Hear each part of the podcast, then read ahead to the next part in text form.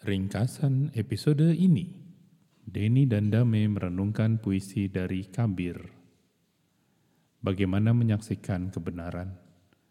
Bagaimana melalui tanda-tandanya kita tahu apa di baliknya?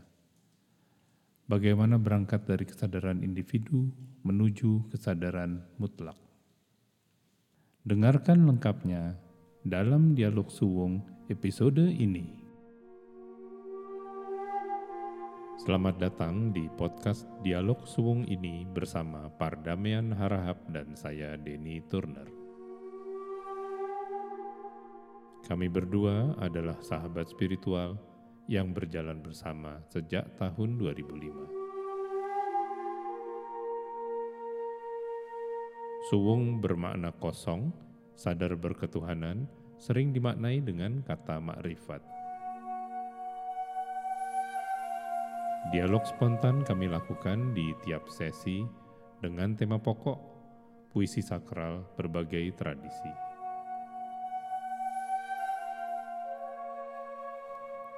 Dialog suwung ini dihadiahkan kepada Anda semua sesama pejalan, sesama perindu Tuhan.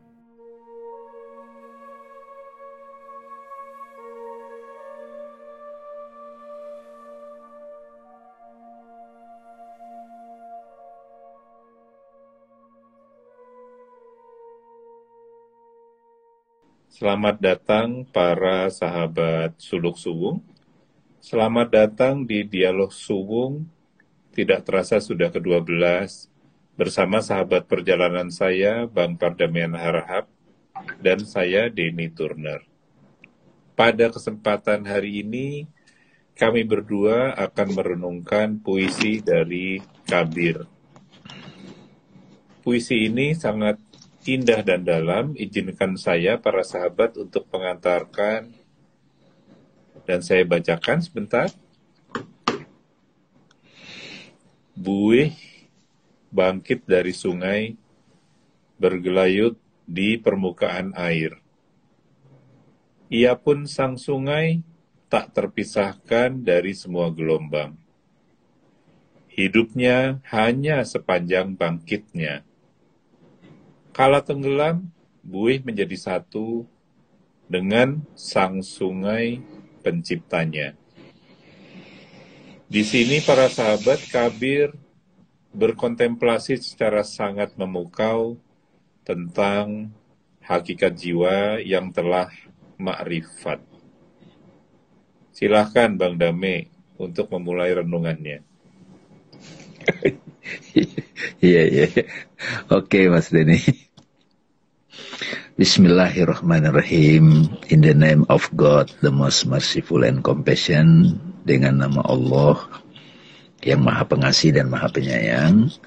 Assalamualaikum warahmatullahi wabarakatuh. Selamat sore. Sahabatku Mas Denny dan teman-teman di sini, para pendengar setia dari Dialog Suwung, kita bersyukur kehadirat Allah, kita bisa bersama-sama menyelami samudera diri, samudera hakikat melalui orang-orang atau guru-guru yang sudah duluan menyatu. Mereka meninggalkan warisan dalam bentuk puisi, dalam bentuk ajaran, bahkan dalam bentuk pewaris-pewarisnya gitu. Murid-muridnya gitu. Dan semoga kita saat ini bisa bersama-sama merasakan apa yang mereka sampaikan itu benar. Dan kita tidak hanya berhenti memahami secara intelektual, tetapi juga kita bisa mengiyakan, mem, mem, apa ya, mensaksikan, menyaksikan juga. Gitu. Saya dari awal itu jatuh cinta pada puisi ini karena memang memang begitu adanya. Uh, Kabir, Syekh Kabir ya, itu menggunakan satu terminologi perumpamaan yang familiar dengan kita pada saat kita menyaksikan sungai dengan buihnya gitu. Saya masih ingat Mas Denny kalau di di kampung saya dulu ada sungai itu buihnya banyak kan. Ya buihnya banyak gitu. Nah buih itu kan yang paling dominan nampak gitu. Kadang-kadang buih-buih itu teman-teman itu menutupi airnya gitu, air sungainya. Jadi yang nampak itu buih. Kelihatan banyak gitu. Nah, beliau bilang buih sini sebetulnya bangkit itu menampak ya, menampak. Bangkit itu bisa juga disebut appearance, muncul. Ya, oh, muncul gitu. Dari ya sungai itu, dari sungai itu, muncul dari sungai itu bergelayut di permukaan air, ya kan? Ia pun sang sungainya, ya sungai itu memang tidak bisa ter terpisahkan dengan dengan buih itu, karena buih itu sendiri adalah asalnya dari sungai gitu. Nah, sungai tak terpisahkan dari semua gelombang. Nah, tiba-tiba Syekh Kabir menggunakan kolombang gitu. Kalau gelombang kan lebih dahsyat Mas Dini. Ya seperti kita menyaksikan laut sebetulnya. Laut itu kan apalagi gelombangnya kayak tsunami kan gede tuh. Ya kan? Nah gelombang tidak bisa terpisah dari sungai gitu. Nah yang kita saksikan dari semua yang nampak ini secara panca indera itu sebetulnya buih-buih ataupun gelombang. Kalau rada kencang disebut gelombang gitu. Nah, karena kita selama ini menganggap ya sudah lama kita menganggap yang nyata itu adalah yang nampak, kita tidak lagi menyadari asalnya gitu. Sebetulnya zaman sekarang itu analoginya itu jauh lebih lebih mudah juga teman-teman pada waktu saya menyalakan handphone saya ini, handphone, ya sebelum saya menyalakan handphone, menyalakan Instagram, ya masih terkunci itu kan layar hitam, layar hitam. Nah dari situ begitu saya nyalakan, nampak nih muncul. Jadi layar screen, screen HP atau screen laptop kalau laptop itu tidak terpisah dengan gambar yang menampak. Gambar ini datang dan pergi. Gambar ini datang dan pergi. Nah, sekarang ini malas ketika saya melihat handphone saya nih teman-teman. Saya malah jadi nggak sadar pada layarnya gitu. Kalau saya tidak tidak ngeh gitu. Sebenarnya yang gambar ini kan layar, tetap layar seolah-olah wajahnya Mas Denny bergerak begini gitu. seolah-olah. Sebetulnya layar nggak bergerak kan gitu. Ini nah, saya mau masuk kita, di sini ya bang. Iya iya iya udah oke. Okay. udah Karena uh, saya mau menyambut ada beberapa istilah yang sangat dalam tadi yang bang Dame awali yaitu menyaksikan kesaksian kebenaran, Bang. Tadi kan di depan itu Bang Dame menyampaikan bahwa harapannya kita semua di sini ini tidak hanya berhenti pada memahami, namun juga bisa menyaksikan kebenaran ini. Nah, tadi saya mau nyambung, Bang Dame secara sangat indah itu menjelaskan buih yang begitu banyak gitu ya. Saya lantas terpikir begini bang, kok saya bayangkan buih itu miliaran. Dan miliaran ini setiap butir dari buih tersebut itu kemudian saya hayati sebagai masing-masing individu ini kita. Hmm. Eh, Kabir kan menuliskan buih bangkit dari sungai bergelayut di permukaan air. Dari gambaran Bang Dame tadi itu langsung saya itu tergambar, oh ini ada miliaran ini yang sering kali malah lebih tampak ketimbang sungainya sendiri. Saya menghayati ini sebagai saat kita itu dilahirkan, jiwa kita ini menempati raga, laksana buih ini, yang hadir di dunia itu bergelayut di permukaan dunia ini. Dan tadi waktu Bang Damai menjelaskan seperti analogi telepon genggam. Nah permukaan air ini itu saya hayati sebagai dunia yang maya. Nah kita ini asik banget bergelayut di dalam ilusi sebetulnya. Hmm. Apa yang kita hayati sebagai kenyataan sebetulnya ilusi karena ada yang lebih dalam lagi yang tadi Bang Damai sebutkan. Bang Damai menyebutkan gelombang. Lantas saya tergerak juga Bang. Iya ya. Ia pun sang sungai tak terpisahkan dari semua gelombang. Kan sebetulnya yang realitas mutlaknya jiwanya, bukan raganya gitu.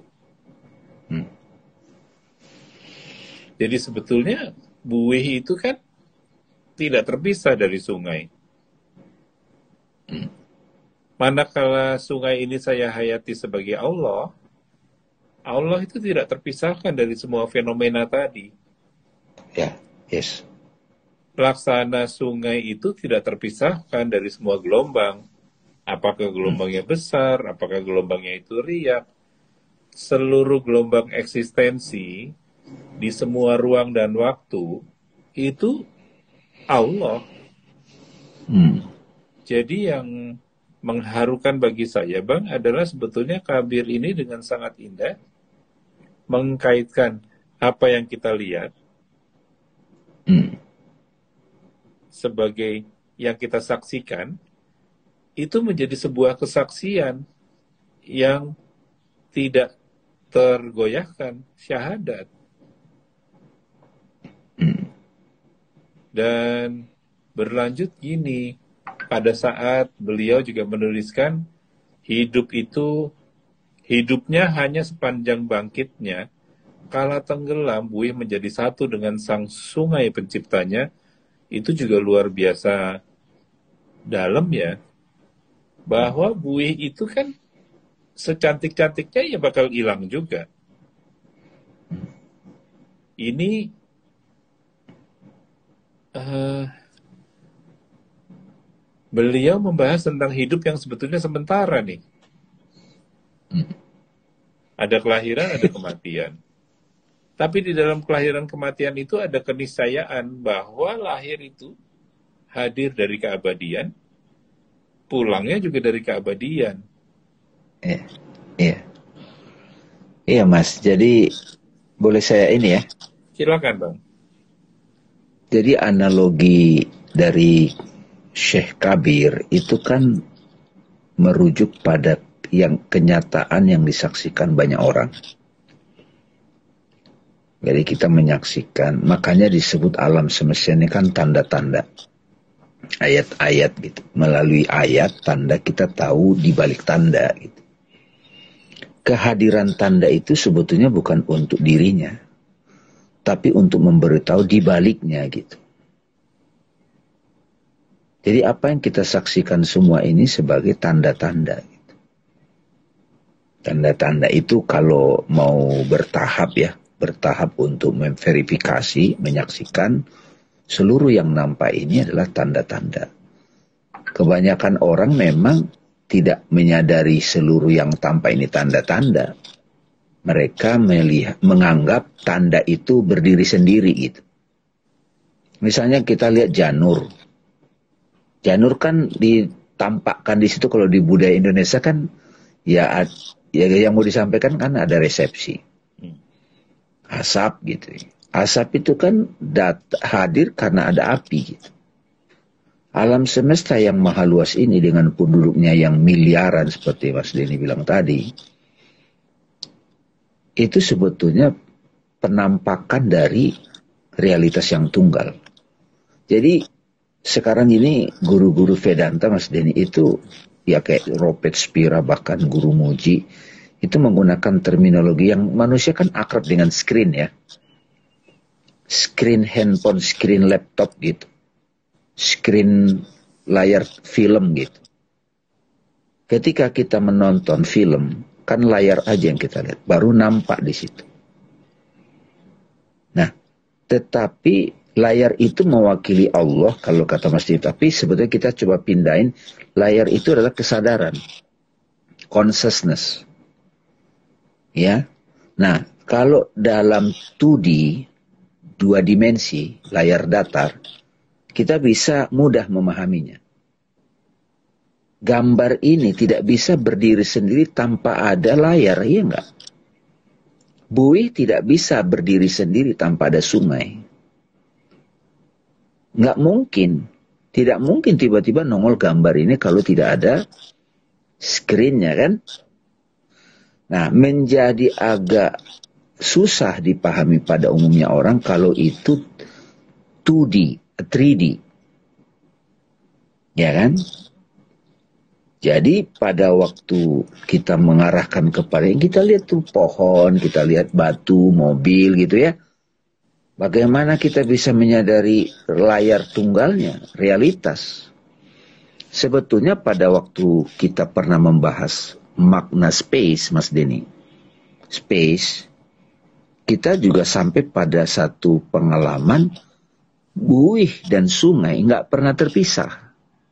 Ingat ya, buih dan sungai nggak pernah terpisah. Gelombang dan laut itu dua kata yang berbeda aja maka jadi dua makna berbeda tapi one reality. Gelombang, ombak, dan laut. Itu kan dua kata, tapi sebetulnya one reality. Dalam kenyataan dia satu. Ya kan? Nah, kembali kepada pemaknaan ruang. Kalau dalam konteks ruang fisik, teman-teman, ruang kosong, kita masukkan ke sopa, kita masukkan kulkas, kita masukkan lemari. Ruang tidak protes dan ada ruang dulu baru kita masukkan perabot-perabot. Tapi dalam konteks ruang batin Mas Denny, ruang batin. Di situ tiba-tiba muncul ya ini yang disebut gelombang nih Mas Denny. Muncul pikiran ini, muncul bayangan ini, muncul memori, muncul perasaan, ya kan? Ya kan? Nah itu semua muncul sebetulnya berasal dari mana? Bukan dari luar. Tapi dari dirinya menampil gitu, menampak gitu. Jadi pikiran itu, perasaan itu sebetulnya aktivitas kesadaran. Semua bentuk pikiran itu terbuat dari mana? Terbuat dari kesadaran. Enggak, iya kan? Bahkan pardamian itu adalah sosok ini gitu dengan segala atribut yang kita sematkan pada sosok damai. Dia bisanya ayah, dia bisanya ustadz, dia apa-apa-apa gitu kan. Itu datang dari mana? Ya dari kesadaran memberikan identitas.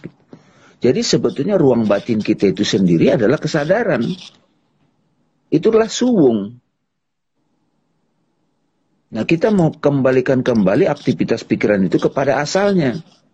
Sama seperti Gambar ini ya layar hakikatnya. Sama seperti gelombang itu adalah laut itu sendiri. Nah Syekh Kabir itu sehari-hari sudah sudah menyatu dengan kesadaran seperti itu gitu. Jadi bagi Syekh Kabir sudah nggak ada kematian. Yang mati itu adalah personality. Nah kan tadi bilang hidupnya hanya sepanjang bangkitnya. Jadi buhi itu hidup ya saat dia nongol doang. Kala dia tenggelam, Bui menjadi satu dengan sang sungai. Ini, Jadi ketika kita gimana? Saya mau merespon Bang. Tadi itu Bang Dame menyebutkan ruang batin. Dan itu yang juga saya rasakan pada saat Syekh Kabir ini menuliskan adalah sebetulnya kalau kita pakai terminologi tasawuf itu ini ya apa uh, baka. Ya betul. Jadi state of being di mana hidupnya dengan Tuhan, melalui Tuhan, di dalam Tuhan, untuk Tuhan. Jadi selalu tercukupi. Hmm sehingga nggak masalah lagi apakah itu buih ataukah itu sungai. Kesadaran tadi yang saya rasakan bang, kemudian lebur menjadi infinite consciousness. Ya. Jadi rasa individunya itu lenyap udah. Ya, betul sekali. Dan ini kelihatannya yang saya rasakan ini adalah undangan dari Syekh Kabir kepada kita semua. Ayo, yuk, yuk, yuk, yuk, yuk. Bisa nggak kita lepas individu kita, seluruh pikiran, seluruh jati diri, buih-buih ini sejatinya sungai loh semua kesadaran saya akan diri dan sebagainya itu sejatinya adalah infinite consciousness. Yeah. Sehingga sebetulnya uh, beliau ini mengantar kita untuk kasyaf gitu. Tabir yeah, rohani itu di, disingkap semuanya sehingga kita bisa mengalami secara direct ini keabadian ini saat ini juga. Yes, Yes, pada saat kita sadar sebagai kesadaran, awareness itself, yang disebut nama lainnya itu adalah aku. Aku gitu. Sebelum saya mengatakan word aku, itu ada di pikiran, sebelum ada di pikiran, hadir sebagai pikiran, adalah present gitu. Itulah nah, keabadian, itulah baka. Ya silakan mas. Ini sekarang uh, saya mau masuk ke bagian kedua, Bang. Hmm. Kalau tadi di bagian pertama kan kita sama-sama menghayati, memaknai puisi tersebut. Nah, di bagian kedua ini saya justru ingin mengajak Bang Dame untuk sama-sama merenungkan kenapa kok kita bisa menghayati itu gitu kan. Mm. On one hand, kita bicara mengenai maknanya, pengertiannya, dan sebagainya secara batiniah. On the other hand, bagian kedua sekarang adalah, kok bisa sih? Karena saya ngerasa gini bang, yang Bang Damai sebutkan tadi, meskipun dengan istilah-istilah yang nalar dan sebagainya, tapi itu semua sebetulnya adalah state kondisi kolbu gitu ya. Ya. Jadi secara gamblangnya adalah sekarang kita mungkin bisa dialog bang. Kenapa hmm. sih kok kita itu menghayatinya dengan cara demikian? Iya mas, jadi perja kalau kita pakai istilah perjalanan ya suluk ya perjalanan untuk bisa mengungkapkan, menyaksikan ini memang ada satu komitmen dulu dari kita untuk selesai dari maya ini, selesai dari dunia, selesai dari drama gitu. Ya, itu triggernya bisa apa saja. Bisa situasi sulit yang mungkin teman-teman yang menderang ngadapin sehingga memaksa kita untuk bertanya pada diri sendiri apa sih sebetulnya yang hakiki? Apa yang saya cari? Apa yang sebetulnya kebahagiaan gitu? Siapa saya? Itu kan self inquiry lagi direct path gitu nah setiap manusia kan pasti mengalami satu proses itu dan ada yang skip nggak mau mendalam ada akhirnya ya dia tekunin sampai dia nemu gitu jadi kalau Mas Denny nanya saya pribadi ya kita semua ini kan buih. Kita adalah individu-individu yang merasa sadar, tapi kita menganggap kesadaran itu adalah kesadaran identitas sosial, identitas psikologi, identitas sidame gitu, person. Sampai saya sendiri bertemu guru-guru yang sudah bangun juga, Mas Denny. Ya dia membangunkan gitu. Kamu sebetulnya bukan itu gitu. Itu betul-betul kayak ganti kacamata, Mas. ganti kacamata. Jadi sekarang kacamata sungai gitu, bukan kacamata mubui nah, lagi. Saya mau nyambung nih bang. Di sini tadi yang Bang Dame sebutkan itu juga yang saya alami gitu kan. Hmm. Dan ini menarik. Tadi Bang Dame menjelaskan dengan sangat indah gitu ya. Dari identitas buih menjadi identitas sungai kacamatanya bukan lagi kacamata individu secara sosial, tapi kacamata kesadaran mutlak. Ya. Dan ini para sahabat semua pada saat perjalanan ini dilakukan bisa luar biasa menakutkan ya di awalnya. Karena hmm. sejak kita kecil sampai dengan kita dewasa, kan journey kita itu pada umumnya adalah untuk mencari our place in the world. Hmm. Bagaimana sih menjadi buih? Sementara memaknai para orang-orang suci ini dan kebenaran yang mereka bawakan dalam puisi-puisinya itu justru bagaimana menjadi sungai. Ya. Aslinya kita sungai, tapi kita dibuat lupa. Ya bukan apa ya, begitulah cerita kehidupan sebetulnya. Jadi kalau tidak lupa kan jadi kayak tidak tidak dramatik nih kehidupan ini gitu. Tapi justru kalau kita di sini dialog suwung sudah menyadari kita adalah sungainya, maka kita kalau mengalir ke mana pun itu tidak lagi takut gitu. Jadi kita jadi ya bermain dalam kehidupan ini gitu. Ini Mbak Dewi komentar ini menakutkan dan menyakitkan.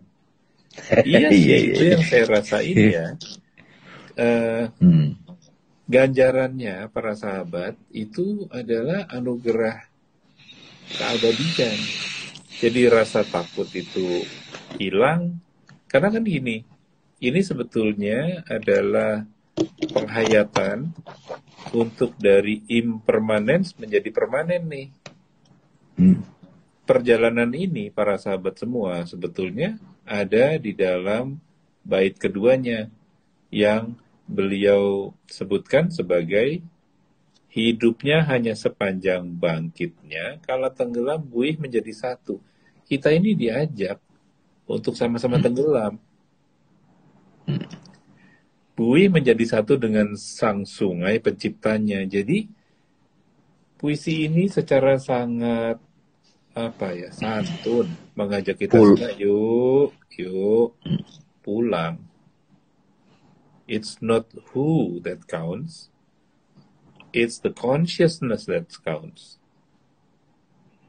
Hmm.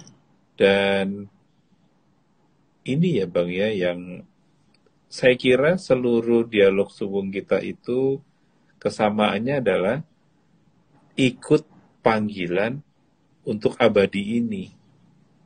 Hmm. Dan kesadaran keabadian yang dihayati saat ini juga, detik ini juga, tanpa harus nunggu mati gitu. Hmm. Sebetulnya makna mati juga jadi berubah, Mas Denny. Jadi kalau selama ini, ya saya kan suka diundang ceramah khaul, Mas. Suka diundang teman-teman, keluarga, beberapa hari ini. Nanti juga Januari ada gitu setiap saya diundang ceramah itu saya selalu mengulang ini sebetulnya. Saya selalu mengatakan, saya tanya misalnya, lawannya mati apa? Orang jawabnya hidup gitu. Ya itulah pembicaraan yang biasa kita uh, lakukan. Sebetulnya kalau kita teliti lawannya mati itu adalah lahir. Hmm. Ini juga bagus lahir gitu. Jadi apa pun yang lahir itu akan mengalami kematian. Tetapi yang hidup nggak akan bisa mati. Yang hidup itu misalnya saya bernapas nih. Ini sebetulnya kan hidup. Yang hidup itu siapa? Itu sungai itu sebetulnya. Yang bernapas itu adalah sungai. Ya kan? Jadi pada waktu tubuh ini berakhir, itu buihnya berakhir. Dia kembali satu kan. Sebetulnya kan tiap hari mas, kita itu bukan tubuh yang sama juga loh. Seolah-olah sama, enggak. Kalau teman-teman lagi melihat sungai bening, di situ kita melihat muka kita nampak, kan nampak tuh kayak cermin airnya jalan loh airnya mengalir. tapi di situ di, nampak di sungai itu kayak wajah yang sama. Enggak, itu airnya ngalir kan.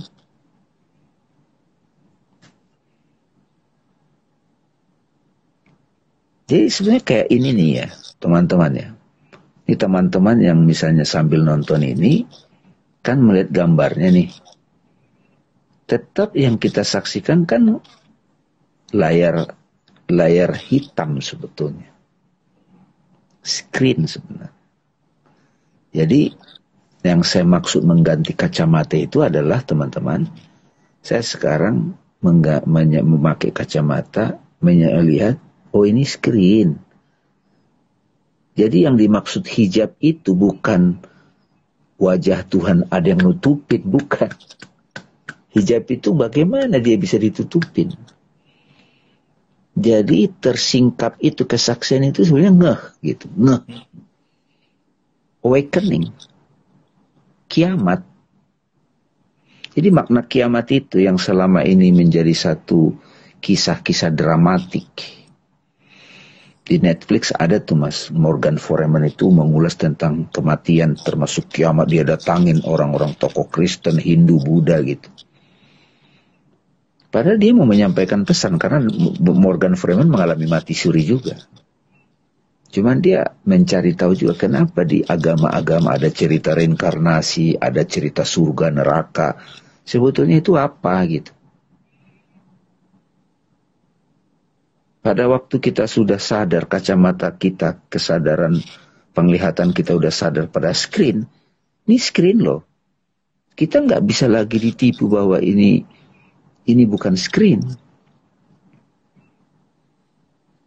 Ini saya jadi ini bang, uh, dan sekaligus merespon pertanyaan Mbak Diwin ini. Saya bacakan ya. Hmm.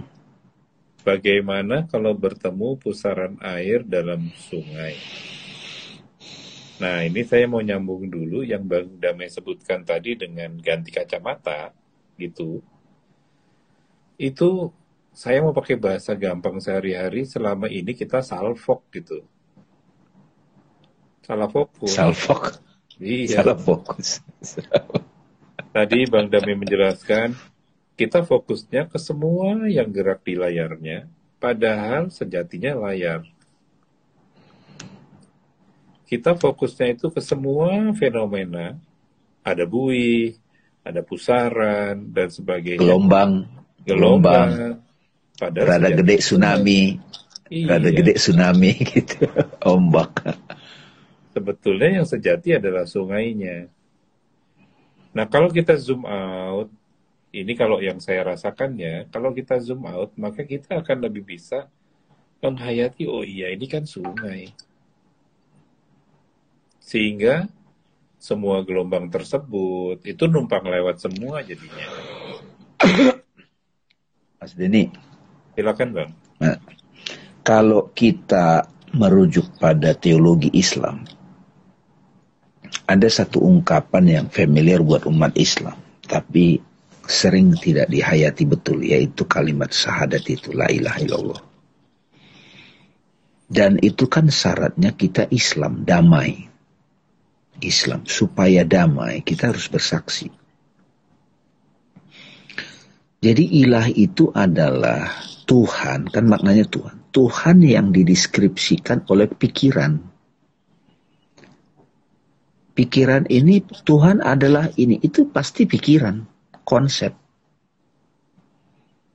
Kita harus me menentikan itu kan. Jadi barang siapa melapaskan la ilaha illallah saat sakaratul maut, surga itu kan sering tuh diungkapkan para kiai hadis Nabi. Ya, jadi kalau orang mau meninggalkan dalam apa ya tradisinya mas, itu kan ditalkinkan la ilaha illallah. Ini kalau yang mentalkinkan ini belum sadar, nggak ngefek mas. Sama seperti sekarang mas, yang membicarakan tauhid ini orang yang tidak sadar, kan tidak ngefek ketika orang yang sedang jatuh cinta berbicara tentang cinta, maka ungkapannya itu ada ada kehadirannya.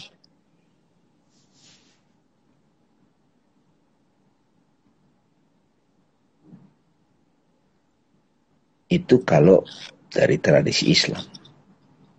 Ini kalau ada di, apa bang? Ada komentar ya dari Mas Jatiwaluyo ini beliau bilang gini. Kalau kata Sunan Kalijogo, jadilah seperti sungai, hiduplah mengalir, jangan sampai hanyut, apalagi tenggelam. Nah, kalau ini saya hayati, para sahabat semua, ini malah lebih direct lagi. Jangan jadi buih, sungainya. Artinya ini malah lebih tajam lagi. La ilaha illallah. Dan yang Bang Dame sebutkan tadi yang saya rasakan adalah pada saat menghayati la ilaha illallah tadi, eksistensi saya udah hilang. Ya. Yang ada ya hanya Allah. Sama seperti Sunan Kalijogo ini, yang ada hanyalah sungainya. Kalau yang ada hanyalah sungainya, nggak ada lagi hanyut, nggak ada lagi tenggelam. Sama halnya kesulitan saya sehari-hari, nggak ada lagi karena yang ada hanyalah eksistensi Tuhan semata. Nah ini memang seperti Bang Dami bilang tadi ya, saya juga sadar bahwa beberapa sahabat mungkin nganggap ini agak absurd gitu karena kayak tadi, selama ini sepanjang hidup kita, kita itu melatih diri sendiri untuk menjadi buih. Buih yang keren banget lah gitu. Sementara... Agak keren dikit gelombang. Iya, malah ngajakin. Bukan, bukan. Siapa pun kamu, hebat apa pun, sungai loh.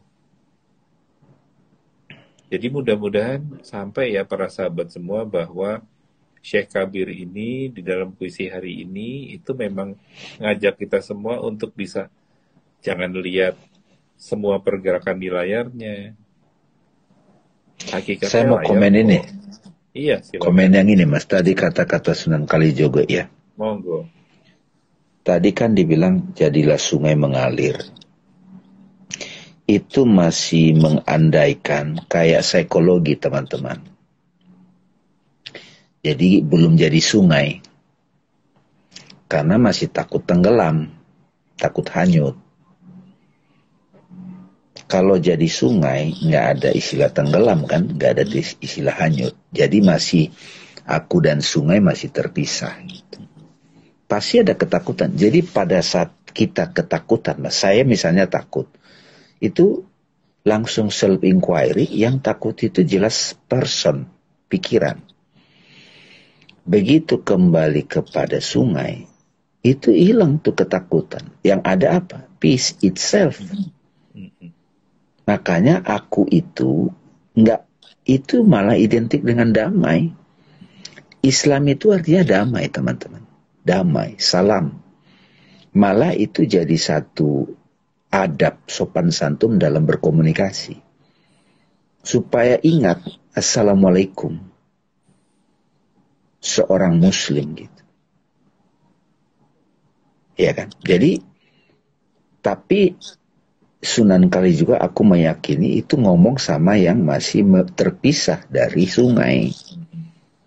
Gitu. Jadi makanya teman-teman saya sama Mas Denny ini kan ya ada satu masa kita jadi motivator. Jadi motivator memotivasi orang sampai kita tinggalkan itu bukan kita salahkan, mulailah jadi ya ya bukan itu, bukan ini, bukan ini, bukan ini, neti neti la ilaha la ilaha la ilaha la la la sampai sisanya apa? Sisanya hanya yang ada hanya dia. Nah itu yang disebut moksa teman-teman, tauhid, liberation. Kalau mau misalnya melihat dalam tradisi Islam lagi, itu akan sangat ditekankan dalam perjalanan haji. Bagi yang mengerti juga Haji Sari. Haji itu sebetulnya panggilan untuk suwung loh, panggilan untuk pulang. Labbaik Allahumma labbaik Labbaik la syarika laka labbaik Innal hamda wan nikmata laka wal mulk la syarika lak. Labbaik Allahumma labbaik. Itu kan suara jiwa kita semua. Jiwa-jiwa yang buih. Tuhan inilah aku. Memenuhi panggilanmu. Ini aku datang untuk pulang kembali. Tidak ada lagi serikat La syarikalak Aku tidak akan menduakan Mensyarikatkan engkau lagi ini Bang yang tadi Bang Damai sebutkan itu saya itu kemudian menghayati ulang ya kata-kata suwung gitu Bang. Karena suwung itu kan kesadaran yang utuh menyeluruh standing as awareness di mana para sahabat kita semua itu sudah dalam stage yang constant vision of God jadi setiap momennya kehadiran Tuhan itulah divine eternity itulah infinite consciousness itulah. Nah, puisi-puisi sakral ini semuanya sebetulnya bercerita hal yang sama. Nih ya, di sini nih. di sini nih. Iya. Dan memang uh, pada saat misalnya tadi panggilan la syarika lak, pada saat sudah sampai kepada pemahaman, memang tidak ada sekutu, tidak ada serikat, bahkan tidak ada lagi saya, nggak ada lagi bui. Eh, betul. Adanya sungai. Dan memang di situ saya merasakan bang bagaimana saya sendiri tertransformasi dengan la ilaha illallah itu sampai pada akhirnya ya Allah Allah. Karena udah nggak nggak nggak galau lagi gitu ya.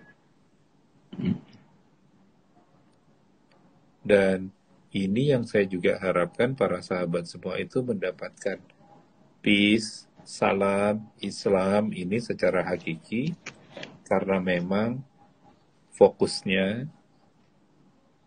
kepada sungainya. Bahwa yang ada hanya sungai kita semua buih gelombang is a function of that river.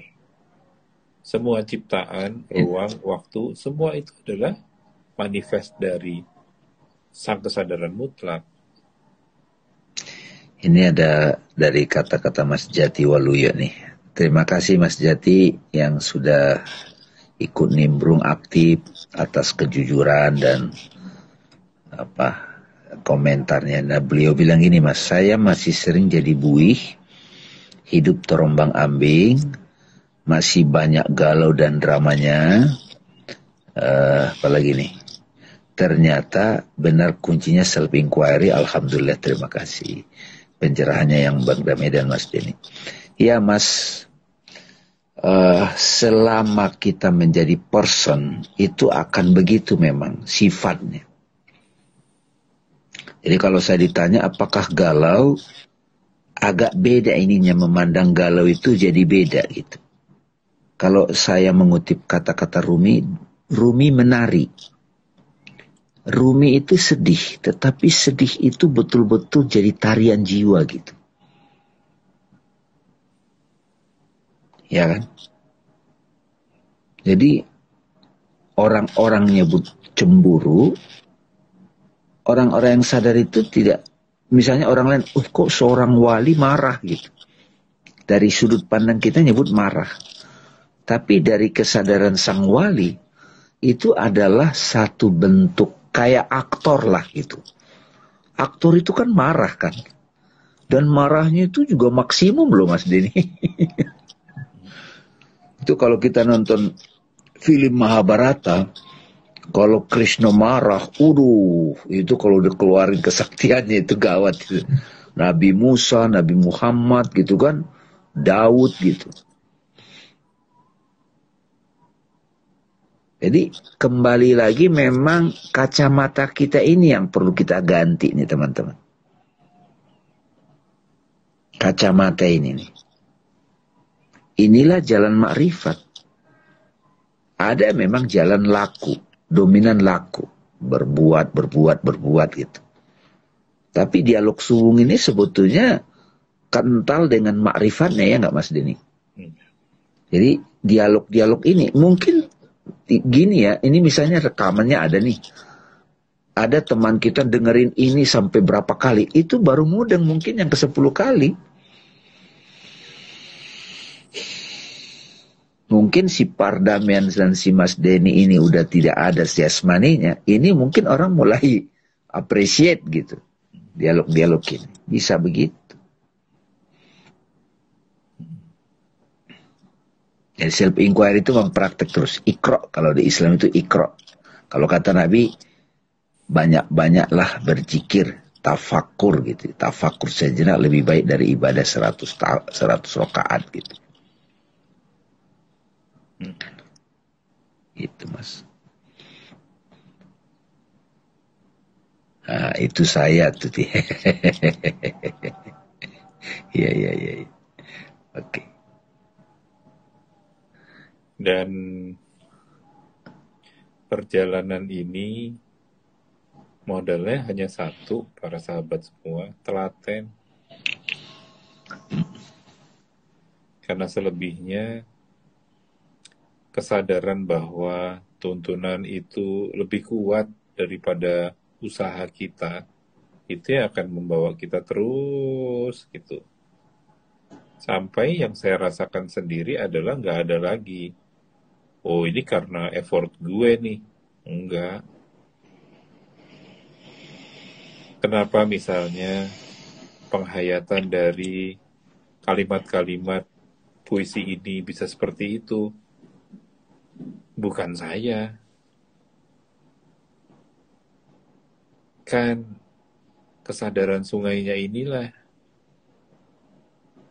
Dan ini memang para sahabat semua yang unik dari dialog suwung kita di sini ini memang memikirkan dengan batin, bukan dengan nalar gitu kan. Aneh kan? Monggo dipikirkan dengan batin. Itu yeah, yeah.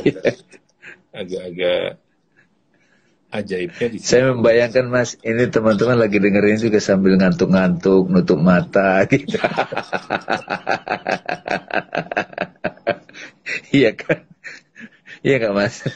Dan ini ya, buat saya ini juga uh, di penghujung tahun kita mendapat kesempatan berkontemplasi lahir batin untuk tahu diri, tahu tempat lagi bahwa whoever I am It's not about I-nya. It's not about. It's all about God.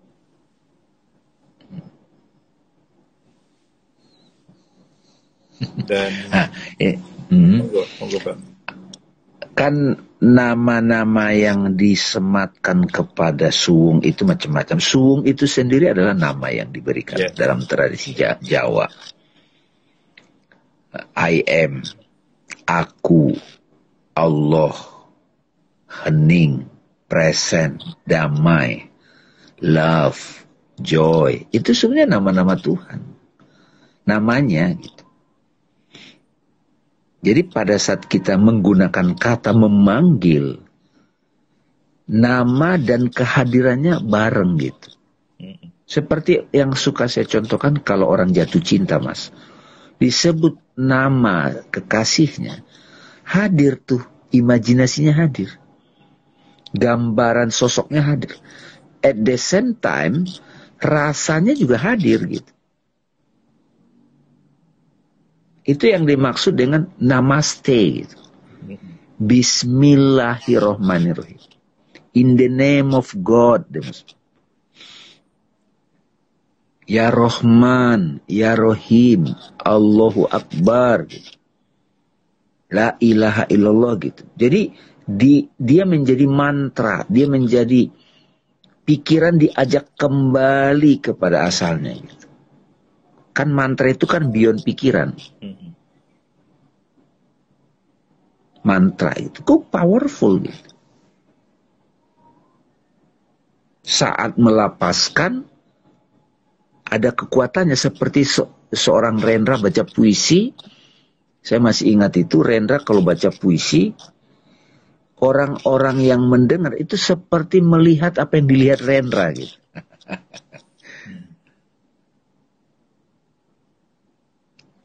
Hmm. Ketika Rumi membacakan puisi, apa yang disaksikan batinnya, kita ikut imajinasi kayak kita ngelihat pertunjukan gitu.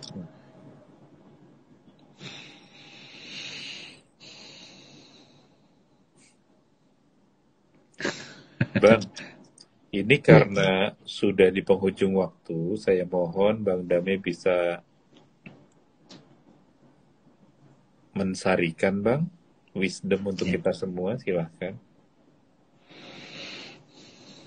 Terima kasih uh, Mas Denny teman-teman yang sudah mendengarkan ini sampai saat ini insya Allah hadir 45 orang nih mendengarkan.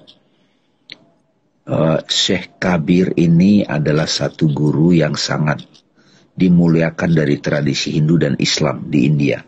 Hidup 1398 sampai 1447 dikenal sebagai guru yang sudah bangun, sudah wali Allah lah gitu ya. Itu mengungkapkan puisi ini begitu bernas, begitu to the point, mengajak kita untuk kembali kepada hakikat kesadaran diri kita, yaitu infinite awareness itu. Jadi moga-moga di tahun, di akhir tahun 2021 ini, masing-masing kita dengan suasana pandemik yang sudah dua tahun itu membuat kita sudah kembali pulang menyadari diri kita sungai dan dari situ kita menjadi sungai mengalir ke mana pun kehendaknya membawa kita kehendaknya membawa kita menarik ke kiri menarik ke kanan ikutin saja dan itulah bagian dari ya, ekspresi love Ya. Nah, itulah yang dimaksud dengan sebenarnya yang hidup itu adalah dia. Itu sebabnya manusia disebut khalifahnya, wakil Tuhan di muka bumi. Perjalanan spiritual itu sebenarnya perjalanan bukan ke gunung ke mana bukan. Pada akhirnya perjalanan spiritual itu adalah kembali sadar siapa diri kita yang dalam Islam disebut jikrullah. Jadi jikrullah itu dalam bahasa Arab bukan mengingat sesuatu yang di luar. Jikrullah artinya ingatnya Allah. Awareness itself gitu. Self-realization. Ya, terima kasih teman-teman. Pada saat kita sampai di situ, menyadari itu, maka kedamaian akan menjadi identitas kita. Aktivitas kita datang dari kedamaian. Itu yang disebut muslim. Itulah cinta. Itulah rahmatan lil alam. Moga teman-teman yang mendengarkan ini bisa kembali disadarkan termasuk saya sama Mas Denny kita dialog ini juga bagian dari itu. Makasih teman-teman. Mohon maaf atas segala kekurangan. Selamat menempuh perjalanan 2022. Insya Allah kita bisa menari bersamanya. Amin. Assalamualaikum warahmatullahi wabarakatuh. Waalaikumsalam warahmatullahi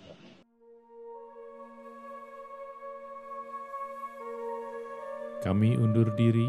Semoga dialog suung episode ini tersampaikan dengan baik dan menjadi kebaikan.